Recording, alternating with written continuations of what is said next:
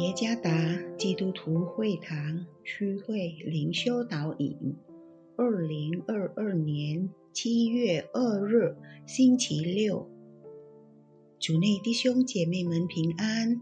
今天的灵修导引，我们要借着圣经诗篇三十篇十一节来思想今天的主题：哀哭变为舞蹈。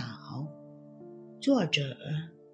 是爱家传道诗篇三十篇十一节，你将我的哀哭变为跳舞，将我的麻衣脱去，给我披上喜乐，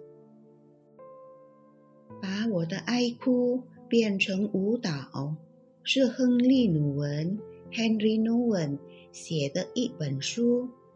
其中包含关于我们如何在困难时期仍然拥有充实生活的信息。这本书讲述了那些身为残疾的人是如何被一个只重视聪明和健康的人的世界所忽视。然而，他们是能够不抱怨、哀哭。或祈求怜悯而度日的人，他们是在胜利之舞中跳舞的人。这首诗是大卫晚年时所写的，诗的内涵确实表明大卫在个人和他的所有人民中都经历了巨大的苦难。第一到第五节，大卫曾经历苦难。哭泣、哀哭和悲哀，但上帝把一切都变成了他的喜乐。大卫强调，只有靠着上帝的帮助和祝福，他才能度过艰难。他得救的目的是为了让他一生都能以赞美来称谢神。第十二节，大卫指出他的哀歌。是引导他祈求上帝减轻他怒气的方法啊！在过去，一般悲伤时穿着麻布，谦卑地请求法官的宽恕。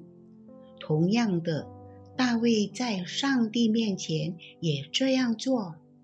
他在神面前清理了他的心，谦卑地祈求神的怜悯。上帝允许我们在生活中经历挣扎，以便我们谦卑并完全降服于他。他是一位能够在我们经历的所有困难中为我们辩护、治愈和赐喜乐的神。因此，无论我们遇到什么问题，都让我们来到他面前，谦卑地把我们所有的问题交托给上帝。我们所经历的哀哭都会被改变，我们的悲伤变成了喜乐。从这一切的开始，让我们不要继续不断地活在哀哭中，而是。要学会仍然因上帝的美好而荣耀他，因上帝成为力量的源泉，所以在挣扎中我也能跳舞。主耶稣赐福。